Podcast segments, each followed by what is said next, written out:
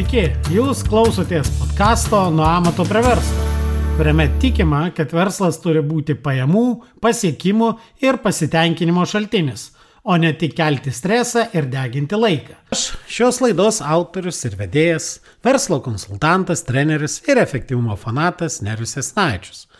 Jūs klausotės 47-ojo tinklalaidės epizodo.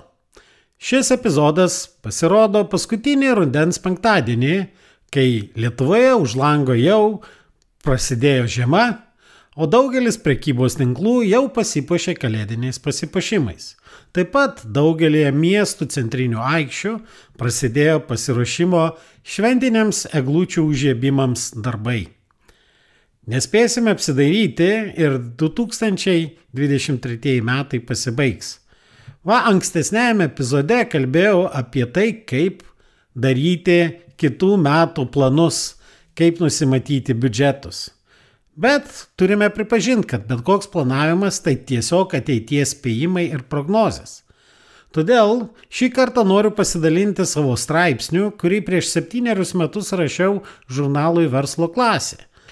Straipsnis vadinasi Netikėkite prognozėmis, tikėkite savimi. Galbūt dalis klausytojų prisimins skaitę šį straipsnį, Bet aš manau, kad šis straipsnis vis dar tiek pat aktualus kaip ir tada, kai jį rašiau ir tikrai verta jį prisiminti dar kartą. Netikėkite prognozėmis, tikėkite savimi. Metų pabaiga - tai laikas, kuomet daugelis įmonių vadovų apžvelgia nueinančius metus bei nuveiktus darbus ir jau galvoja apie kitus metus. Tuo metu tvirtinami ambicingi ateinančių metų pardavimo ir pelningumo planai, plėtros strategijos bei taupimo programos. Ašgi pamėginsiu kažkiek apibendrinti, ką jau rašiau, bei parekomenduoti, ką įmonėms reikėtų nuveikti kiekvienais metais.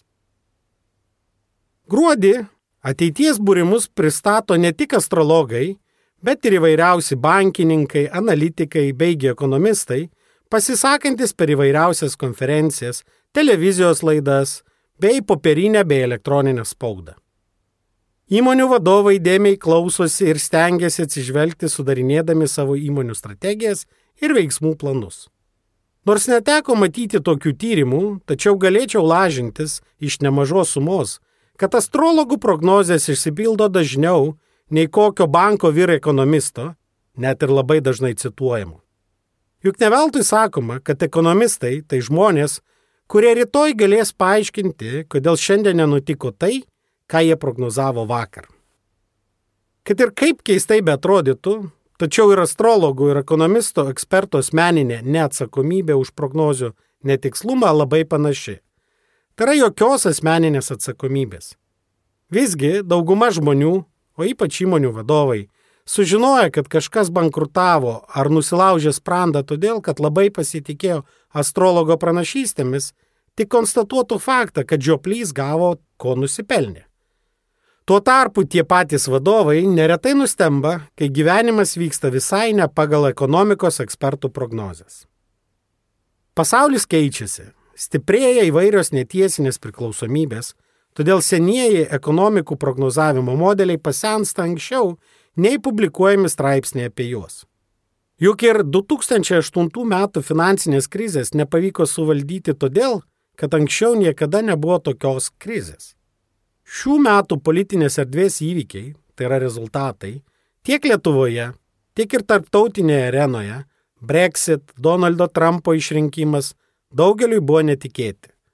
Man labiausiai užkliuvo ne tai, kaip žmonės balsavo, bei koks buvo tų balsavimų rezultatas, o tai, kad įvairūs viešosios nuomonės tyrimai, apklausos bei populiarumo reitingai iki pat balsavimo dienos prognozavo visiškai kitokį rezultatą.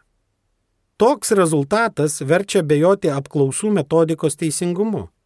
O jeigu tos metodikos netikslios, tai ir rinkos tyrimai, kurie remiasi tais pačiais principais, yra niekiniai.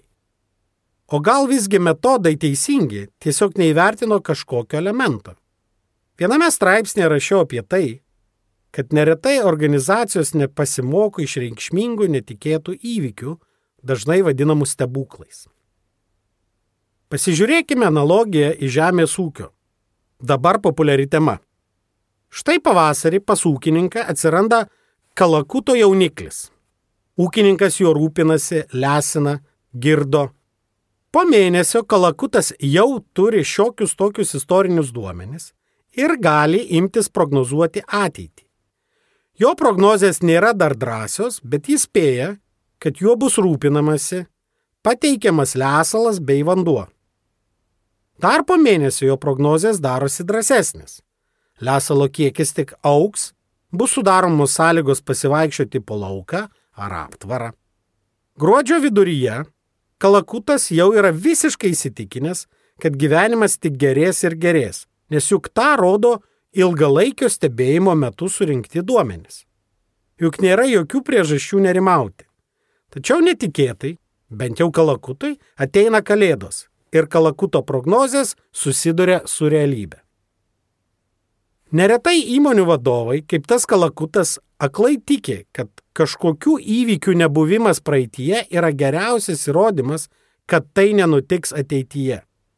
Ir kai gyvenimas pasikeičia, tuomet tie vadovai niekaip negali suprasti, kodėlgi jiems taip nutiko. Kovo mėnesio verslo klasėje rašiau apie verslus, iš kurių realybė atėmė vamzdį. Ir kuo ilgiau įmonė turėjo tas nepajudinamas pozicijas, kažką, kas užtikrino sėkmę, tuo skausmingesnės būna realybės pasikeitimo spyris. Ir tai gali nutikti ne tik organizacijoms, bet ir atskiriems individams. Spencer Johnson savo knygoje Kas paėmė mano sūrį, kaip tik ir aprašo tokią būseną, į kurią papuola pelytės, iš kurių kažkas atėmė įprastoje vietoje padėtą sūrį. Turime pripažinti, kad pasaulis yra nenuspėjimas ir jame pilna mažai tikėtinų, tačiau reikšmingų įvykių, kurie gali turėti skausmingas pasiekmes. Galbūt tokie teiginiai gali atrodyti labai pesimistiniai ar netgi fatališki. Tačiau taip nėra. Mano manimu, sveikas optimizmas tai ne realybės ignoravimas, o jos prieimimas bei pasiruošimas. Juk sakoma, kad sėkmė, kuomet pasiruošimas sutinka galimybę, o nesėkmė, kai pasiputimas ir nežinojimas sutinka realybę.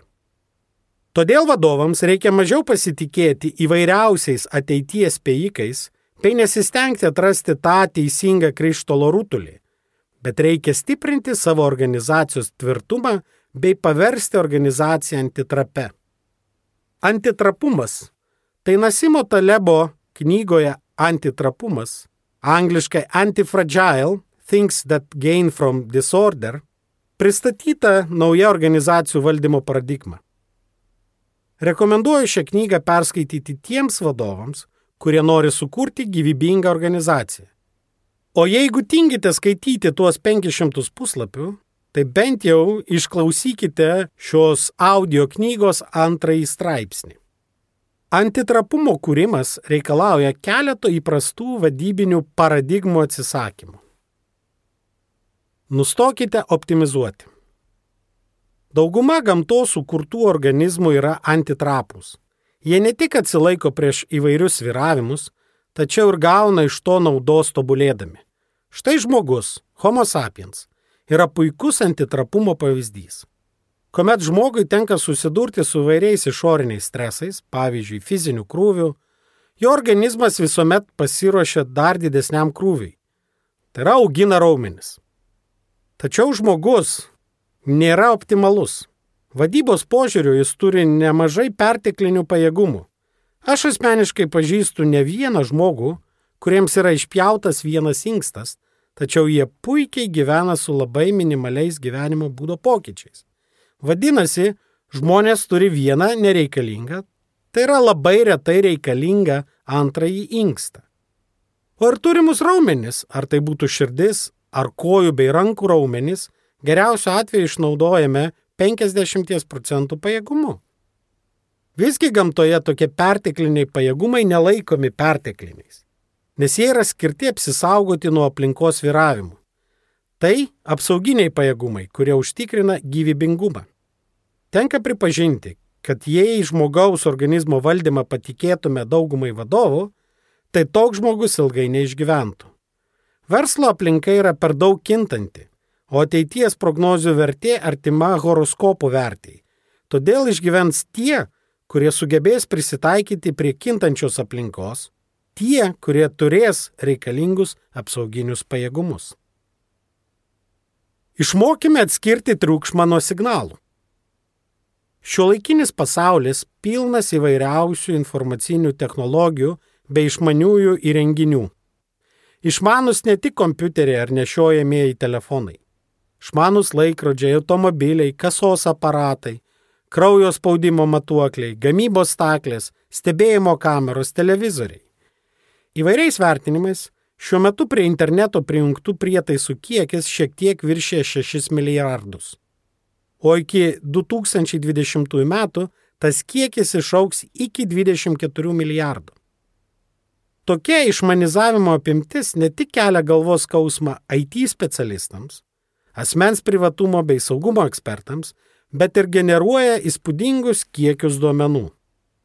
IT kompanijos sugalvojo naują madingą pavadinimą Big Data - dideli duomenys, iš kurio mėgina uždirbti, leisdami klientam galvoti, kad tai jau ta viską sprendžianti piliulė. Tačiau didelis duomenų kiekis negarantuoja teisingos informacijos. Juk informacija tai atsakymas į užduotą klausimą. Netgi atvirkščiai, kuo daugiau duomenų, tuo didesnė tikimybė paskesti triukšme. Tokio pasimetimo pasiekmės gali būti skaudžios. Užuot pastebėję tikruosius signalus, kurie parodo, kad įmonės aplinkoje kažkas reikšmingai pasikeitė, reaguojame į triukšmą. Puikiai tokio triukšmo sureikšminimo iliustracija. Paklauskite pas vidutinį statistinį pilietį, kokia yra dažniausia žmonių mirties priežastis. Ir tai labai tikėtina, kad jis įvardins karus, teroristinius išpolius ar katastrofas. Juk tokios žinios visą laiką mirga žiniasklaidoje. Ir tik nedaugelis žino, kad dažniausia mirties priežastis - kraujotakos sistemos susirgymai. Komet vadovai laiku nepastebi reikšmingų signalų, tai jiems, kaip minėtam kalakutui, kalėdos ateina netikėtai. Signalas - tai yra, kuomet atsitikusi realybė reikšmingai skiriasi nuo lūkesčių. Man labai smalsu, ar viešosios nuomonės bei rinkos tyrimo organizacijos įvertins šiais metais gautus reikšmingus signalus. Eksperimentuokite. Joks verslo konkurencinis pranašumas, ar jis natūralus, tai yra sukurtas dirbant daug geriau nei konkurentai, ar dirbtinis, suteiktas politinių aplinkybių dėka, nėra amžinas. Nokia ar Kodak pavyzdžiai puikiai iliustruoja, net 50 procentų pasaulinės rinkos dalies negarantuoja, kad kompanija išliks dar keletą metų. Rinkos keičiasi, technologijos keičiasi, vartojimo įpročiai keičiasi.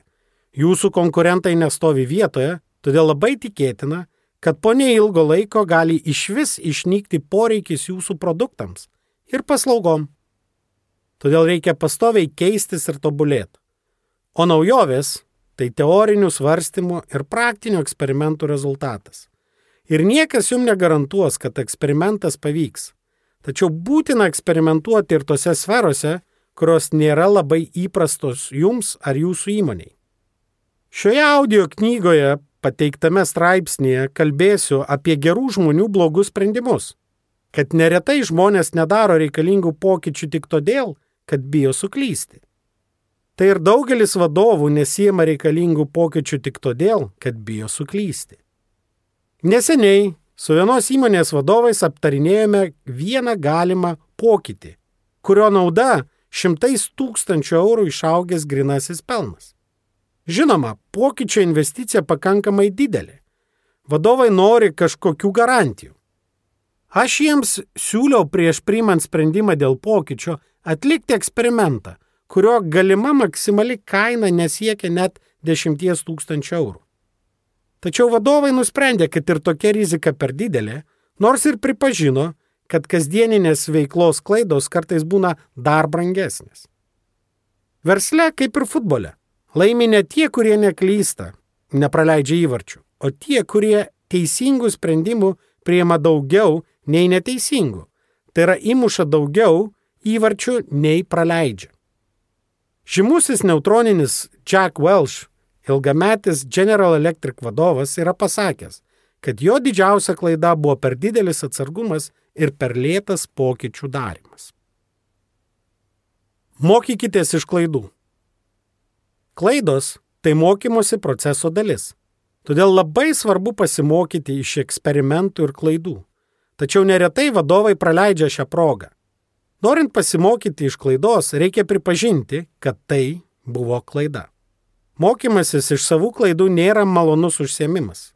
Nes reikia savo, o neretai ir kitiems pripažinti, kad suklydai.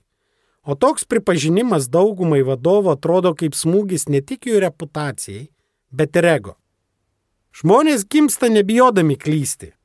Vaikas mokosi eksperimentuodamas ir klyzdamas, tačiau aplinka, mokykla ir visuomenė stigmatizuoja klaidas. O eksperimentuojantis, todėl ir klystantis žmogus ar organizacija tampa pašaipų objektų. Tačiau organizacijos sėkmingam vystimuisi ir plėtrai klaidos yra būtinos. Ambicingos ir inovatyvios organizacijos sugeba sukurti tokią organizacinę kultūrą, kur už eksperimentus ir klaidas nėra baudžiama. Kai kurios organizacijos net skatina savo darbuotojus klysti. Tai yra eksperimentuoti ir mokytis. Taigi, planuodami ateities darbus, mažiau pasitikėkite įvairiais ateities prognozuotais, o labiau pasitikėkite savimi ir savo darbuotojų komandomis. Neplanuokite optimizuotis, nes tokios idėjos neuždega darbuotojų pokyčiams. Geriau pagalvokite, kaip organizaciją padaryti antitrape, kuri nebijo eksperimentuoti, klysti ir judėti į priekį. O jeigu nuspręsite žaisti saugiai ir nieko labai nekeisti, tai nesistebėkite, kuomet ateis kalakutiškos kalėdos. Verslas kaip sistema yra antitrapus. Jis mokosi iš klaidų. Kiekvienas bankrutavęs verslas tai pamoka kitiems. Tokiu būdu verslo įmonė stiprėja. O aš jums noriu palinkėti tapti tais, kurie yra atsparus klaidoms ir mokosi iš savų ir svetimų klaidų, o netampa pamoka kitoms įmonėms. Dėkoju, kad klausėtės. Ir nepamirškite užsiprenumeruoti šį podcastą, kad visuomet gautumėte informaciją apie naujausias laidas. Taip pat būsiu labai dėkingas, jei įvertinsite šį podcastą palikdami atsiliepimą savo įprastoje podcastų platformoje. O jei pažįstate kažką, kam jūsų nuomonė šis podcastas būtų naudingas, būtinai pasidalinkite. Iki!